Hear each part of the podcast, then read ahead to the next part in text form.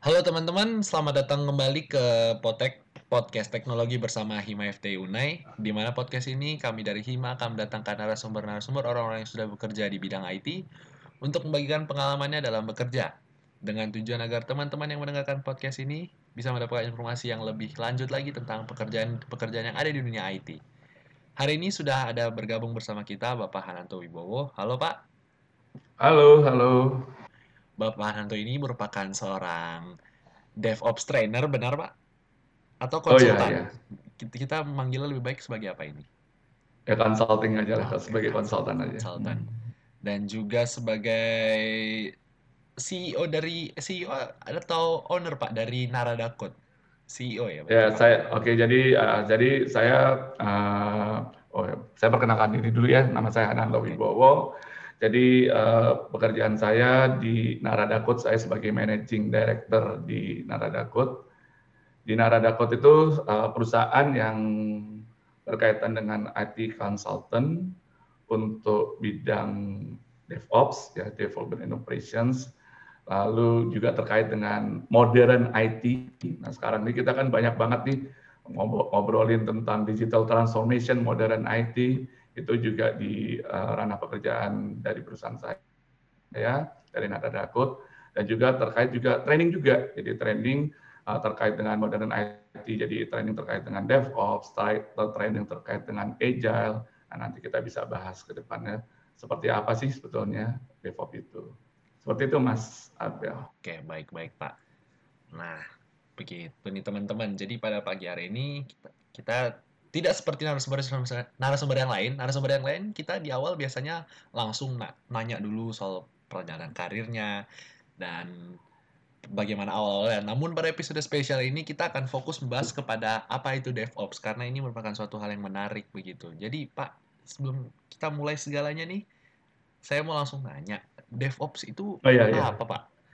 Dan apa sih pentingnya buat perusahaan?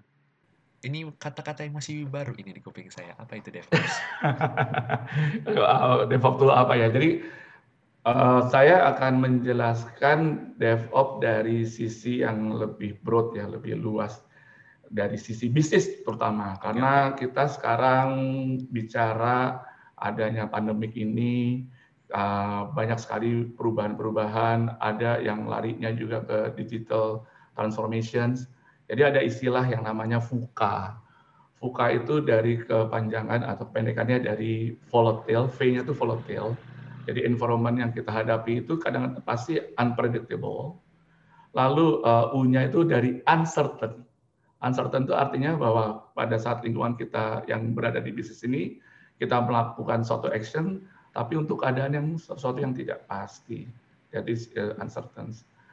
Dan VUCA C-nya adalah kompleks bahwa kita di dunia bisnis banyak sekali hal-hal yang mempengaruhinya. Dan terakhir adalah A-nya itu adalah ambigu.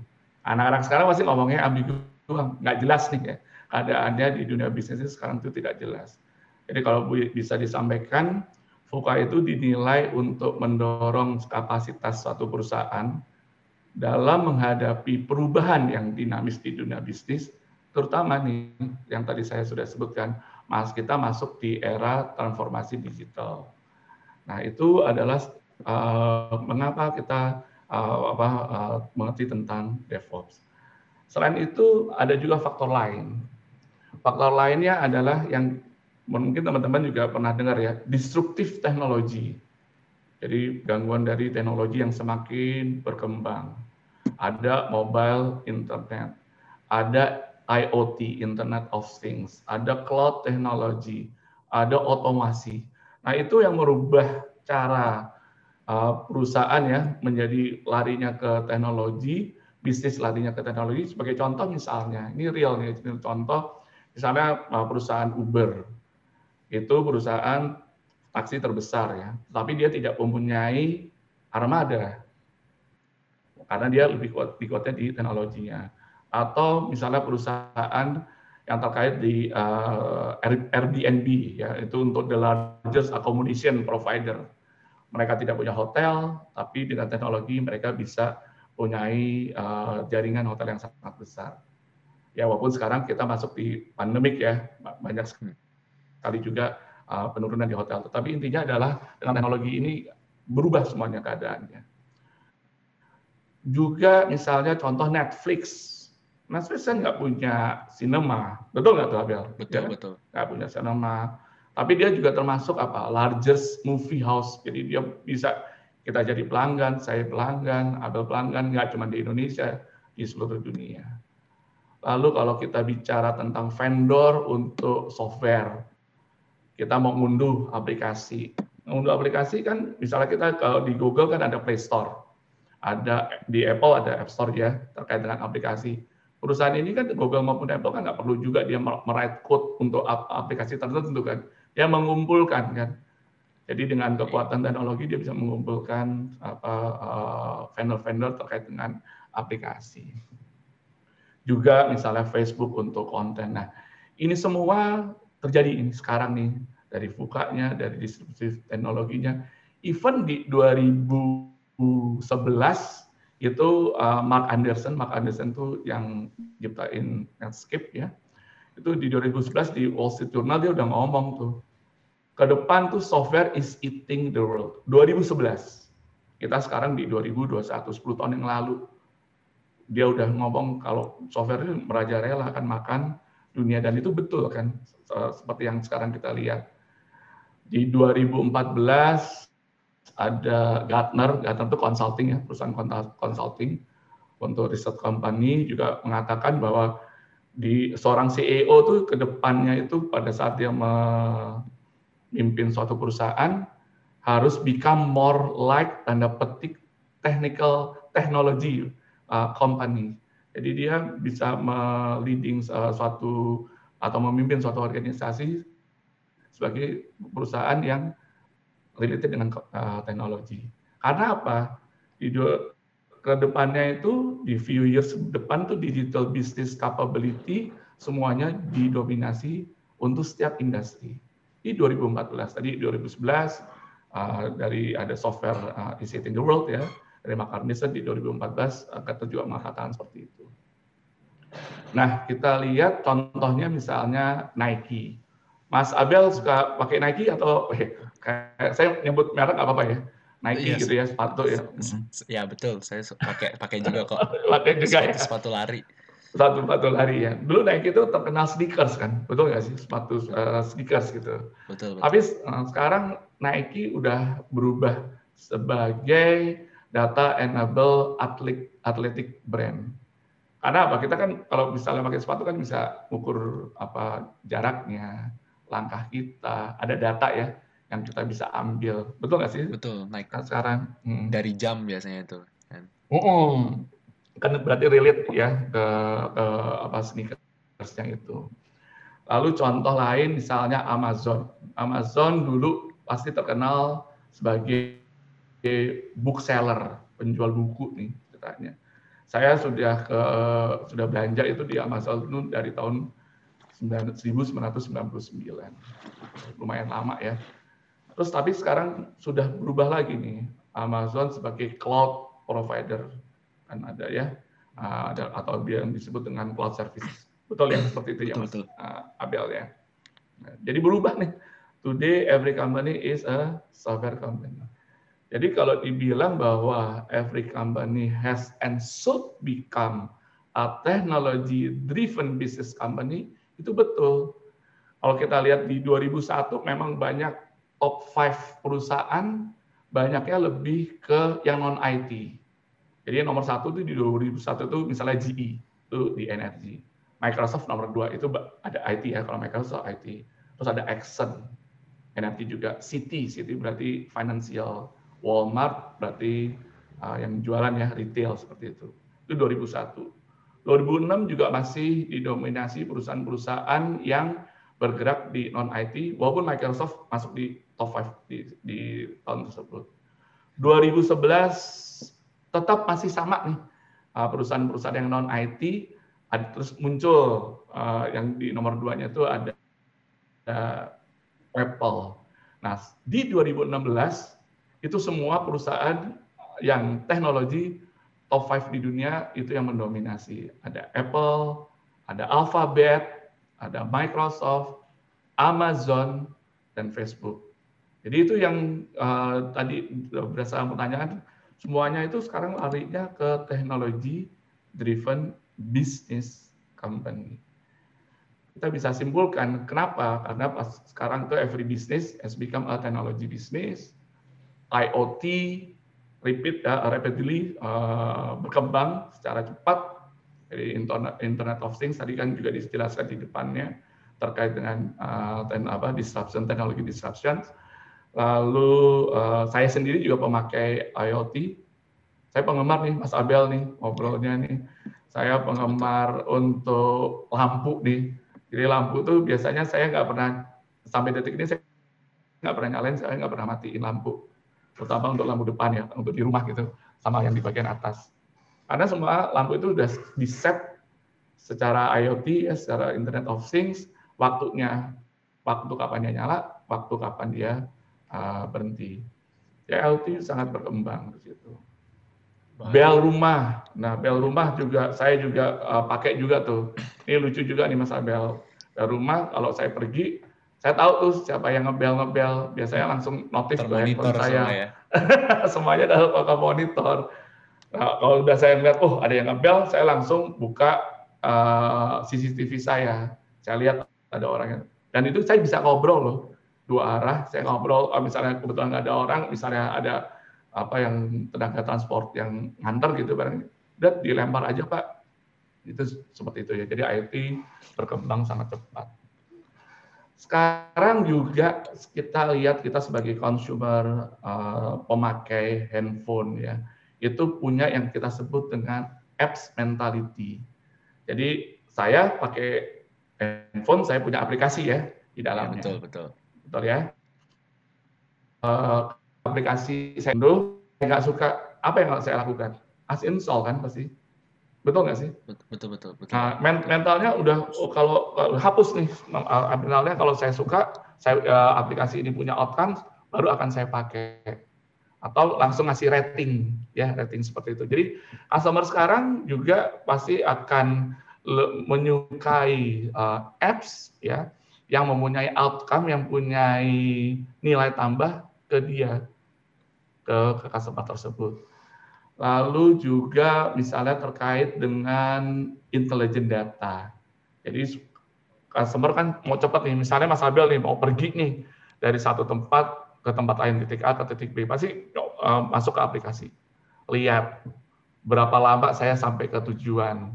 Betul ya seperti itu ya? Betul, betul. berapa lama berapa kilometer seperti itu. Atau misalnya kita belanja di marketplace gitu. Di marketplace kita belanja beberapa item kita pilih uh, pengirimannya. Misalnya ya ada yang yang instant yang misalnya apa ya? Misalnya same day. Itu kan nanti terakhir data yang keluar adalah data terkait dengan uh, akumulasi eh. belanja, uh, belanja kita, belanja oh, jumlahnya. Iya. Okay, okay. Oh iya, no. Nah itu intelijen data yang harus kita, yang customer sekarang ingin supaya cepat seperti itu. Dan biasanya juga customer itu ada kalimat bahwa customer itu lebih mencintai. Jadi customer delight is more important than customer satisfaction. Maksudnya adalah uh, kita punya software nggak cuma puas tapi kita delight kita cinta. Nggak sadar nih uh, saya nggak mau tanya sama Mas Abel sebenarnya. Mas Abel kalau ada nggak sih aplikasi yang digunakan terus nggak nggak sadar berapa lama kemudian buka lagi aplikasi itu apa kira-kira? Biasanya kalau seperti itu sih Twitter dan Instagram gitu kan. pasti ya, kan. Udah pasti ya. Bosan pasti langsung mencet itu otomatis. Betul. Ya, itu yang kita sebut dengan customer delight. Jadi uh, sekarang tuh customer ingin uh, nggak sadar dia mencintai uh, aplikasi tersebut, buka berapa menit kemudian dia nanti buka lagi. Nah, kembali kita ke pertanyaan kenapa DevOps itu penting saat ini di perusahaan. Betul ya tadi kalau nggak salah pertanyaan seperti itu ya. Ya kita lihat tadi dari sisi bisnis, sisi suka ber, apa, bergejolak ya Fuka tadi ada disruptif uh, tentang teknologinya lalu ada perkembangan-perkembangan tadi ada uh, mention tentang software is eating the world nah, itu yang menyebabkan DevOps itu penting bagi perusahaan karena larinya lagi nih ke depan tuh pasti akan ke digital transformasi. Itu kira-kira Mas Abel. Oke. Uh, Baik teman-teman, berarti dari semua yang tadi sudah dijelaskan itu ada dari pokoknya pada intinya mengapa sangat penting DevOps sebagai perusahaan itu sangat penting itu karena perkembangan semakin ke depan begitu semuanya akan serba software akan serba digital begitu ya berarti ya Pak ya. Betul sekali betul sekali Mas. Oke, nah setelah kita tahu betapa pentingnya itu kita kita juga ingin tahu dong pastinya praktek DevOps DevOps di perusahaan ini terkait seperti contohnya ada continuous integration, delivery dan seterusnya itu adalah suatu suatu kegiatan yang sudah sempat saya baca di internet. Nah, ini praktek hmm. prakteknya DevOps ini di perusahaan itu bagaimana, Pak? Praktek ya, kerjanya. Uh, jadi uh, di DevOps itu ada beberapa terminologi ya.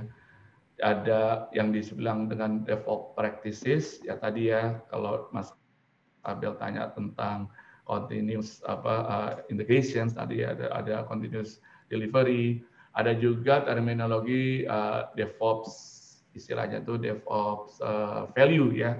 Jadi DevOps juga tidak semata-mata berhubungan sama automation, tapi uh, uh, semata-mata juga ada hal-hal yang lain yang menyertainya. Nah, kalau kita ngomong di continuous uh, tadi ya praktek-praktek yang ada di DevOps, semuanya biasanya mostly diawali dengan continuous. Jadi ada continuous testing, continuous integration, continuous delivery, continuous deployment, continuous monitoring.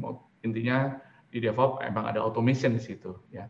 Jadi kalau kita eh, lihat misalnya kita bahas satu persatu, DevOps itu kan antara development and operation. Salah satu bagiannya adalah bagaimana kita mengcoding. Jadi ada continuous integration itu bagaimana kita melakukan mendevelop sesuatu ya something berupa aplikasi di mana setiap developer yang melakukan coding tersebut harus melakukan commit code ke dalam satu repository yang sudah di eh, share ke developer lain. Jadi ada master, ada trunnya. At least daily sehari. Jadi itu yang disebut dengan continuous eh, integrations. Jadi development development practice yang membutuhkan seorang developer pada saat dia melakukan develop, dia melakukan commit code di dalam share repository dalam satu hari. Nah, biasanya ngapain sih? Biasanya dia melakukan otomasinya build secara automate, automated unit untuk integrationsnya, untuk tesnya masuk ke ada versioning controlnya, repository-nya, masuk ke uh, CI server ya, continuous integration server, untuk mengkolek, untuk build dan tes jadi satu di situ. Nah, pasti akan timbul pertanyaannya, gunanya buat apa sih continuous integration ini? Kalau kita dalam satu hari kita taruh commit code ya, dan dan secara otomatis dia melakukan uh, testing gitu ya, itu bisa membuat kalau misalnya pada saat terjadi error di aplikasinya, dideteksinya lebih awal. Jadi bisa langsung dikirim ke uh, developer developernya kembali. Jadi intinya seperti itu. Itu prakteknya. Kalau sekarang gimana? Sekarang banyak sekali developer-developer tidak melakukan praktek tersebut, mereka melakukan coding di masing-masing apa tuh namanya notebook mereka misalnya Lalu eh, pada saat mungkin mau melakukan integrasi eh, berapa berapa hari kemudian ya atau berapa minggu kemudian.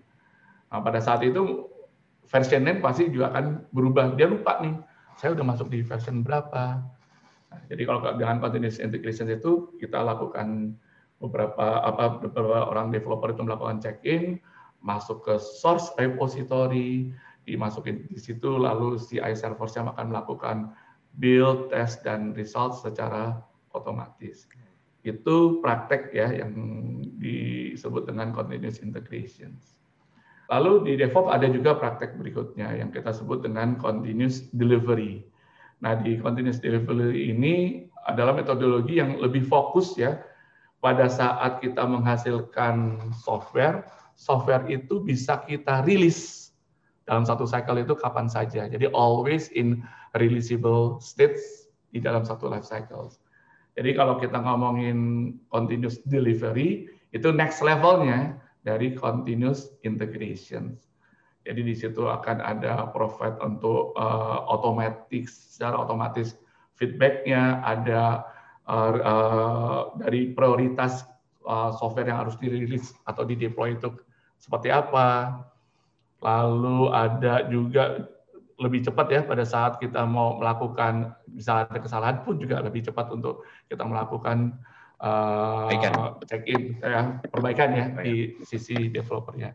Jadi kalau kalau lihat di continuous delivery tetap sama ada beberapa programmer masuk ke source repository, masuk ke CI servernya, di CI dilakukan build test and result, lalu next levelnya masuk ke automated test, next level berikutnya masuk ke staging, baru nanti masuk ke production. Nah, di production bisa masuknya bisa secara manual, bisa juga secara otomasi.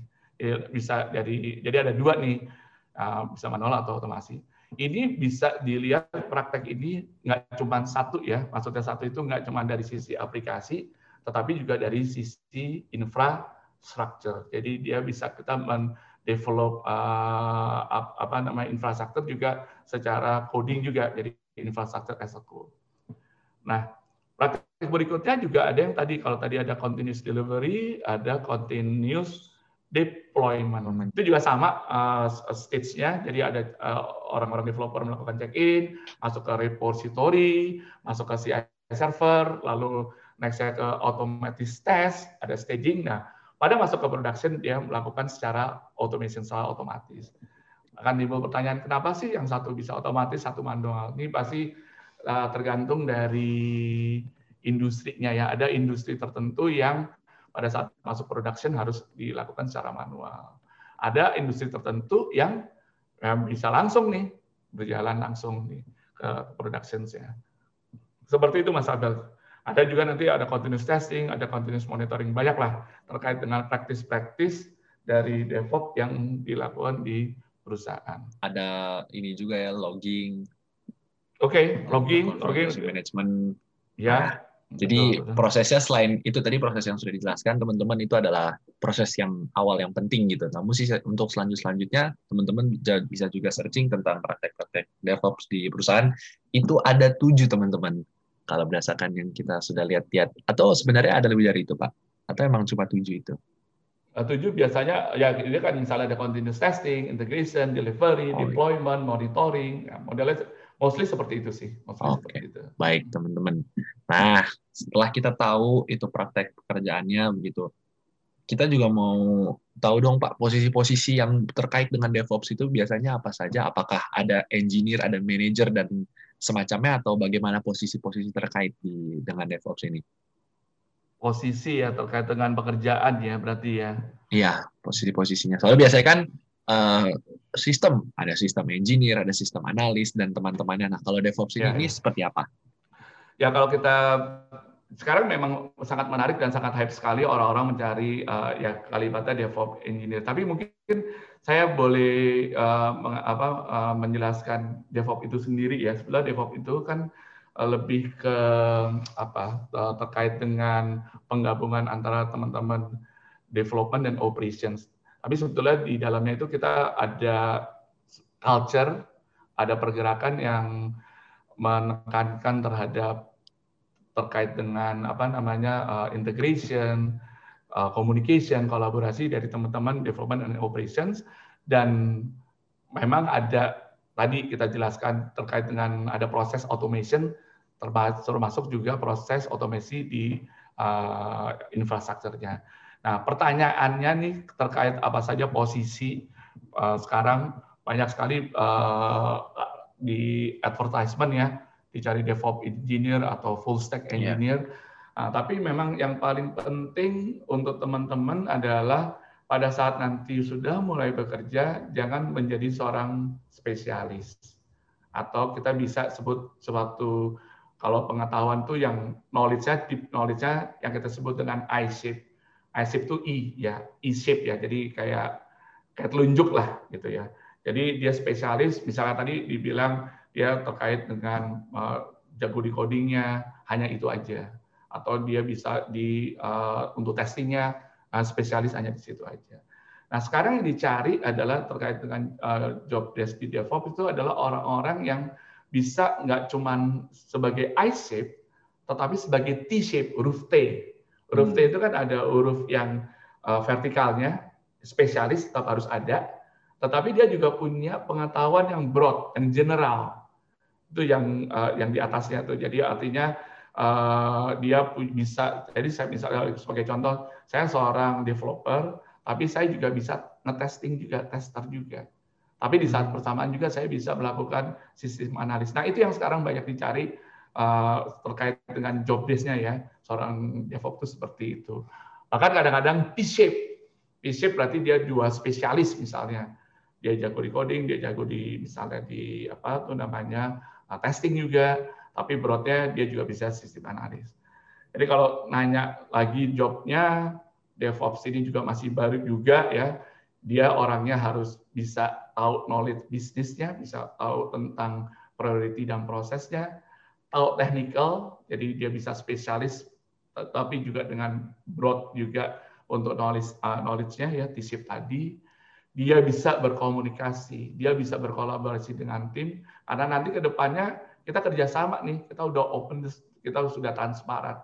Dan orang-orang di DevOps itu harus self management. Jadi dia bisa self uh, motivation, dia bisa mengatur dirinya sendiri. Nah, tadi terkait dengan pertanyaan posisinya seperti apa di DevOps itu uh, di perusahaan pasti beda. Jadi yang mau saya katakan nggak tidak bisa orang mengatakan ah, ya bahwa di perusahaan saya DevOps-nya lebih bagus daripada perusahaan Anda. Tidak bisa seperti itu. Ya, karena apa? Karena setiap perusahaan, setiap bisnis punya karakteristik yang sendiri-sendiri, punya culture juga sendiri-sendiri. Tapi bisa aja misalnya kalau terkait dengan tadi job desk-nya ada juga DevOps as a service model. Jadi maksudnya DevOps service model itu ada pipeline, ada yang tadi ya si ICD pipeline-nya sudah dibuat, terus si ICD uh, eh, pas sudah dibuat, toolsnya itu dipakai teman-teman development, juga di, juga bisa dipakai oleh teman-teman operation ditambah juga teman-teman infra atau platform. Ada juga misalnya terkait dengan job desk, uh, ada yang disebut dengan SRE, ya Site Reliability Engineering.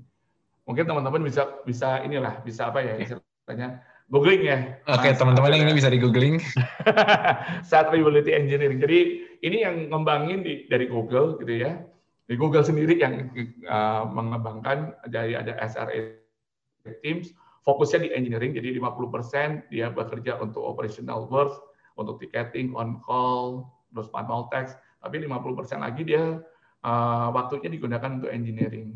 Jadi di SRE Google model nih, dia tuh responsible-nya bisa melakukan mendefine untuk uh, operational requirement, mendefine SLA-nya, service level agreement yang harus dipenuhi oleh teman-teman uh, production untuk uh, untuk uh, sorry teman-teman development misalnya seperti itu dia juga bantu untuk nge-build pipeline ya CI/CD pipeline. Jadi kalau bisa dilihat di ada development ada orang-orang platform nah tengah-tengahnya itu ada uh, job yang kita sebut dengan SRE Site Reliability Engineer.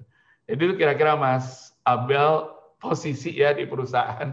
Kalau apa aja yang terkait dengan uh, pekerjaan. Oke, berarti tapi apa yang bisa saya tangkap dari semua itu yang emang ingin bekerja di bidang DevOps ini nggak harus bisa maksudnya mereka nggak hanya cuma bisa programming harus bisa managing hal-hal yang lain juga gitu ya karena nanti Betul sekali. bareng-barengan.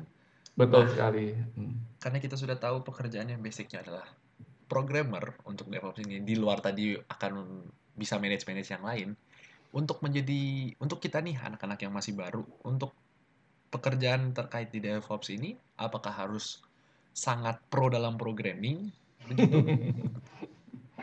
Oke, jadi tadi kan uh, saya sudah menjelaskan di DevOps itu sebenarnya DevOps itu lebih ke culture ya, culture, pergerakan culture untuk IT profesional di dua bagian besar di IT yaitu teman-teman di development dan teman-teman di operation di mana mereka harus bisa kolaborasi, bisa komunikasi, bisa berintegrasi.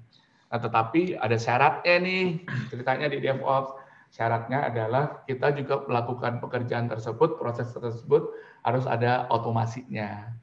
selain otomasi untuk software delivery-nya ya untuk kita mendeliver untuk software juga terkait juga dengan eh, perubahan dari infrastruktur. Kembali ke pertanyaan nih apakah bahasa programming, programming bahasa, nih? bahasa pemrograman yang bahasa programan ya jadi uh, pasti menekankan otomasi sama software delivery tadi ya untuk perusahaan uh, untuk perubahan infrastruktur kalau kita tadi ada praktis-praktis ya, kalau kita dibantu tools, maka kita akan konsisten melakukan pekerjaan tersebut dan menjadi kultur. Jadi kalau kita ngomong otomasi, pendekatannya programmatically, program tadi itu harus ada. Jadi harus ada code, ada script yang dituliskan. Jadi menjawab pertanyaan itu memang diperlukan. Contohnya karena di DevOps itu eh, tadi ada dua bagian tuh, misalnya kita menuliskan untuk application code ya kita pakai bisa pakai Java, kita bisa pakai PHP, bisa pakai .NET misalnya.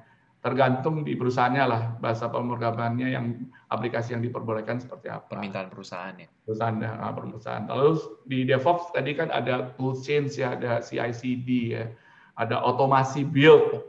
Uh, betul kan tadi kan ada continuous ya, untuk ya otomasi ya, ada deployment tools juga terlibat tuh di situ ada uh, tools-tools untuk DevOps misalnya Jenkins atau GitLab.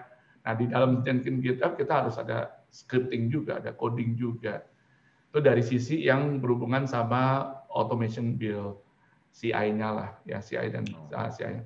Di, di sisi untuk infra juga tadi infrastructure change kita juga melakukan scripting code juga jadi yang kita sebut dengan infrastructure as a code. Itu bisa pakai Ansible script misalnya atau pakai Terraform. Jadi ya tadi kalau misalnya eh, perlu pakai programming ya memang ada lah seperti itu. Betul. Ini sang, sanggaya itu nanti teman-teman bisa dipelajari lagi sering berjalan mau ke situ ya karena kan di kuliah kita biasanya hanya belajar basic sebagai C, mm-hmm. hanya Java gitu. Teman-teman mm-hmm. bisa belajar lagi mungkin seperti automa auto automation, yeah. automation yeah, kan yeah. itu masih kita belum terlalu belajar itu di kuliah teman-teman ya gitu. Oke oke oke. Nah nyambung dari itu di, di luar program biasanya tools-tools yang digunakan juga oleh seorang DevOps itu apa saja pak? Tools. Toolsnya ya oke. Okay. Uh, DevOps pasti kan tadi juga ada aktivitasnya ya, ada aktivitas continuous integrations, ada aktivitas continuous delivery, ada automations, ada juga kolaborasi tadi ya, ada ya, bagaimana orang melakukan kolaborasi. Jadi Terus pasti dibagi atas eh, bagian-bagian uh, tersebut ada uh, tools untuk kolaborasi, ada tools untuk planning, ada tools untuk source code ya source code control, ada tools uh, apa lagi ya untuk issue tracking, ada tools untuk configuration management, lalu ada yang terkait CI ya continuous integrations, ada juga nanti untuk melakukan repository jadi binary repository. Itu ada toolsnya juga. Di bagian operation ada monitoring, di bagian testing ada automate uh, testing, termasuk juga di dalamnya ada uh, masih uh, awalnya di development ya, itu juga ada toolsnya juga. Nah kalau kita bicara tools, uh, saya sarankan sih uh, teman-teman mungkin bisa googling lagi nih Mas Abel. kita googling lagi uh, keywordnya misalnya uh, periodik tabel DevOps gitulah, DevOps tools, periodik tabel DevOps Tools. Nah, ini kebetulan kita ada gambarnya. Nanti kita akan share buat teman-teman di Instagram kita sekaligus promo buat podcast yang ini. ada ada kita udah kita ada gambar ya Pak kayak gitu. Ada, oh ada ya, oke. Nah itu udah, nah, itu dijelaskan banget. Ini ada udah nemu gambarnya ya. Microsoft, Microsoft Azure, Amazon Web Service itu untuk deploy, terus untuk yeah, integration yeah. ada Jenkins, Split, Body yeah. Build, Shippable. Ya, ya, ya itu maksudnya jadi yang mau saya sampaikan lagi, DevOps is just not a tools ya. Tools uh, itu penting, tetapi coba DevOps itu tadi ya lebih ke juga di culture-nya juga gitu. Tapi memang kalau kita searching uh, DevOps ya muncul yang model-model apa tools-tools seperti ini. Jadi yang bisa dijelaskan misalnya tadi pertanyaannya apa aja yang digunakan misalnya plan and requirement tools. Jadi tools-tools yang terkait dengan planning ya. Hmm. Untuk planning, untuk ya boleh dibilang agile planning tools itu ada Jira misalnya. Uh, Jira itu untuk isu tracking uh, punyanya Atlassian. Jadi gunanya adalah kita bisa bug tracking. Tadi kan salah satu dari komponen untuk tools untuk isu tracking ya, bug tracking untuk agile planning. Trello, nah Trello itu juga masuk uh, tools juga untuk visual board itu sudah di acquired ya oleh Atlassian. Lalu terkait juga dengan workspace untuk knowledge, untuk collaboration meet itu ada misalnya Confluence itu juga Atlassians, connect ke masing-masing developers, ya itu ada instant messaging-nya pakai Slack biasanya. Kalau yang tadi tanya toolsnya apa aja, kalau misalnya diperbolehkan dengan uh, apa Microsoft Family, bisa juga plan and requirement-nya dengan Microsoft Teams seperti itu. Hmm. Lalu kan tadi kan ada step-nya tuh uh, untuk misalnya masuk ke SCM, source code management. Nah, itu masuk ke uh, codingnya kita melakukan commit, push source code, perubahannya itu masuk ke dalam ACM, termasuk di dalamnya ada test script-nya, ada configuration script-nya, artificial. Nah, itu kita gunakan banyak macam-macam tools-nya. Misalnya ada GitLab, ya, itu ada version control-nya, itu dari GitLab yang punya. Lalu ada GitHub, GitHub itu dari, sama juga untuk version control ya, itu dari Microsoft. Bitbucket. Nah, kalau Bitbucket itu keluarga Atlassian lah, juga untuk version control. Atau ya tadi ya masuk di DevOps uh, tools-nya Azure, namanya Azure Repos, itu juga ada seperti itu. Itu kalau bagian contoh di source code management. Di bagian orchestrations, ya itu ada juga orchestration itu yang biasa kita sebut tadi uh, CI ya, continuous integration. Kita bisa pakai Jenkins, kita bisa GitLab juga. GitLab ada yang untuk source code management. Di extension lagi namanya GitLab CI itu untuk uh, orchestration. Ada juga hmm, apa lagi ya? Azure uh, Azure DevOps. Itu juga dari Microsoft. Itu terkait CI terus tadi kan dibilang tuh mas, uh, programmer melakukan testing unit test gitu ya itu tergantung bahasa pemrogramannya juga kalau di .NET itu ada N unit. Kalau dia pakai Java, dia pakai JUnit. Kalau dia pakai PHP atau PHP unit, model seperti itu. Nah, lagi ada lagi itu terkait dengan codingnya. Codingnya itu uh, udah di scan nih secara otomatis juga. Ada vulnerability nggak gitu? Biasanya pakai standarnya apa untuk lihatnya pakai OWASP top 10 misalnya. Itu ada ada uh, apa code quality scan-nya bisa pakai SonarQube, cek Mars, uh, Vera Code, terus ada Fortify. Nah, Fortify itu uh, dari dari Microfocus ya. Ini saya sharing juga. Uh, kita juga ada community juga untuk DevOps Indonesia. Nah, di minggu ini, jadi hari kalau nggak salah hari Kamis kemarin, kita ada meet up. Nah, meet up yang bawain kebetulan dari teman-teman di Microfocus. Itu terkait dengan uh, code quality. Nge-build juga gitu juga. Build juga ada bisa kita pakai MS Build, kita untuk yang basisnya uh, compilernya untuk Microsoft ya. Terus kalau compilernya untuk yang Java kita pakai Maven. Kalau yang pakai untuk iOS kita namanya pakai Xcode. Itu ada saat nge-build.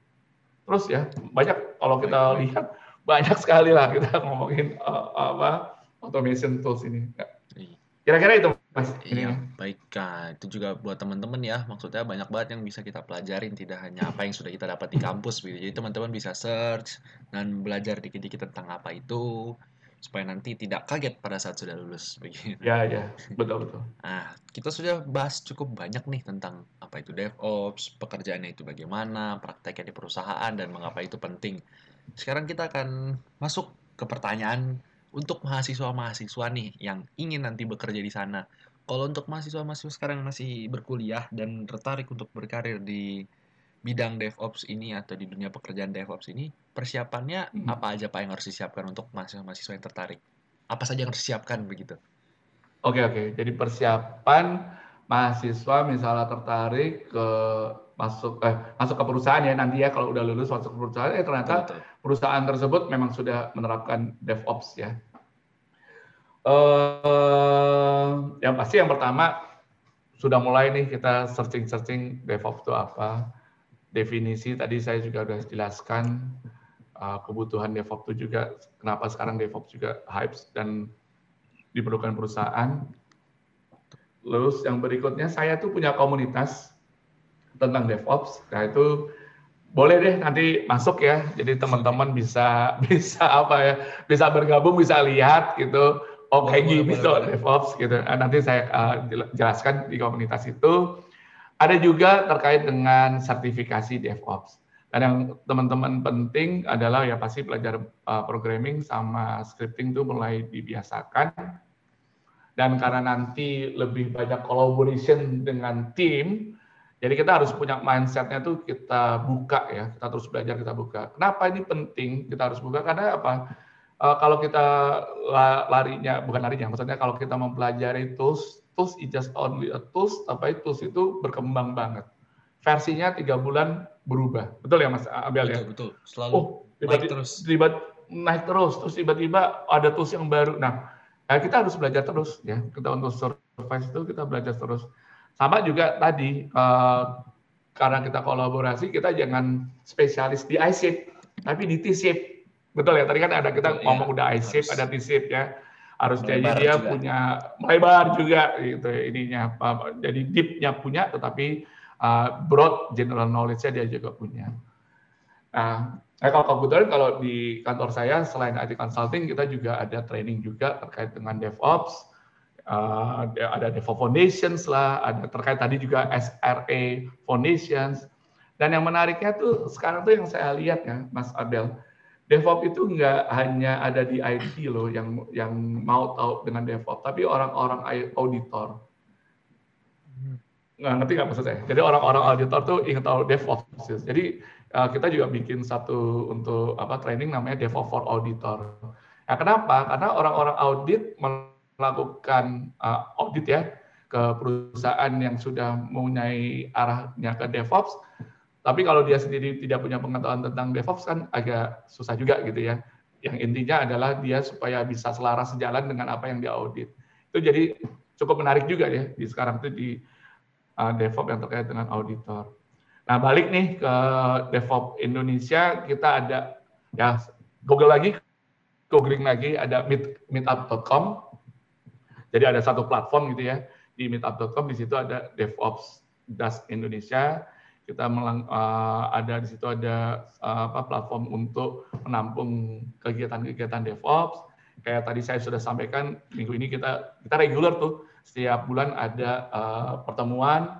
Kalau DevOps Indonesia itu udah di 2017, tapi di 2016 kita udah ada dengan menggunakan Telegram. Jadi belum yang waktu itu belum ada COVID ya, belum ada pandemik. Jadi kita masih masih ketemu, masih kumpul, bisa meet up. Uh, biasanya malam hari uh, dari satu perusahaan ke perusahaan lain, misalnya kita di Gojek, kita di Google, macam-macam lah kita misalnya di Philip Morris uh, International ada kegiatan-kegiatan dari meetup tersebut. Nah, shifted di pada saat kita kena pandemik di bulan Maret, di bulan April semuanya kembali seperti sekarang yang ada online ya kegiatannya.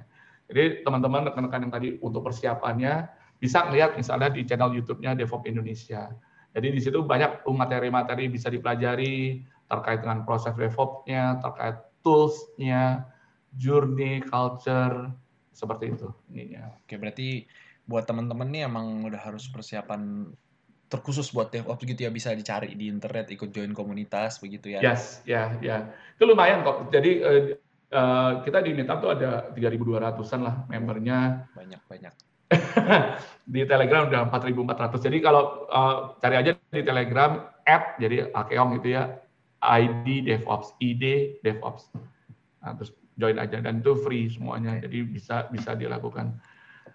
Uh, saya juga mau sharing juga kita di DevOps Indonesia nggak cuman mengadakan setiap bulannya mengadakan setiap bulannya apa meetup kita juga setiap tahunnya juga ada international conference jadi ini udah tahun ketiga di, dilakukan di jadi international conference kita uh, ke devops.org ya itu di 2018 kita ngadain di BTPN, di 2019 kita ngadain di mana uh, Bank BRI, di 2020 kemarin di bulan Maret sebelum kita di tanda petik ya stop kegiatan, itu masih bisa ada kegiatan pertemuan itu di Bank BRI juga. Dan lumayan pergerakannya uh, DevOps-nya itu uh, di Indonesia lumayan. Kenapa? Karena bisa dilihat di data statistik di tahun 2018 itu hanya 276 yang datang. Terus meningkat di 2019 di 2019 itu sampai 500 dan sekarang sampai 800. Dan menariknya yang sekarang itu maksudnya tahun 2020 ya bulan Maret itu kita kerjasama juga dengan UI, kita juga kerjasama dengan Bina Nusantara. Jadi mereka sudah ikut involve nih. Nah, saya juga ingin ya, rekan-rekan di Universitas Advent Indonesia juga mulai juga involve juga di kegiatan-kegiatan. Ah, betul betul. Ayo, Seperti itu mas. Kita ikut nih teman-teman. sekali lagi buat teman-teman diingatkan kalau emang mau persiapan di ini tuh adalah perbanyak latihan dan perbanyak searching tentang apa ini gitu. Oh, Oke. Okay. Okay. Jadi setelah kita tahu itu persiapannya harus bagaimana, ini untuk jenjang karirnya itu bagaimana Pak? Maksudnya apakah dari kita seorang fresh graduate kita bisa langsung dipanggil menjadi seorang DevOps atau kita harus bekerja yang lain dulu baru bisa menjadi seorang dev bagian dari DevOps atau bagaimana jenjang karirnya ini? Supaya ini menarik tahu. sekali juga nih uh, ya. Kalau kita lihat banyak banget dicari DevOps engineer, cari full stack engineer. Hmm. Ya kalau dibilang sebetulnya di DevOps tuh belum ada standar ya di industri terkait dengan jenjang karirnya. Karena walaupun gimana uh, dari definisinya aja DevOps itu kan juga menggabungkan tadi ya kembali lagi ya, saya ulangi uh, dari development and operation. Jadi nggak nggak masalah anda mau dari berangkatnya dari development dulu atau nggak masalah juga kalau anda dari eh, teman-teman uh, dari uh, operation. Tetapi yang paling penting adalah uh, belajar juga modern IT approach-nya agile bagaimana, DevOps-nya itu seperti apa, praktis-praktis DevOps-nya itu uh, seperti yang tadi sudah dijelaskan seperti apa, programming, scripting, ikut juga di community jadi bisa memperkaya ya pada pada saat seorang fresh graduate pada saat mau masuk ke uh, perusahaan yang mau sudah menerapkan DevOps seperti itu. Hmm, berarti dari awal juga sudah bisa ya? Sudah bisa sebetulnya bisa bisa banget. Tapi balik lagi requirement perusahaan pastinya kan untuk pasti jam, pasti. jam, ter, jam terbangnya begitu. Ya ya ya betul oh. betul. Nah setelah kita tahu fresh graduate berarti bisa teman-teman gitu kan.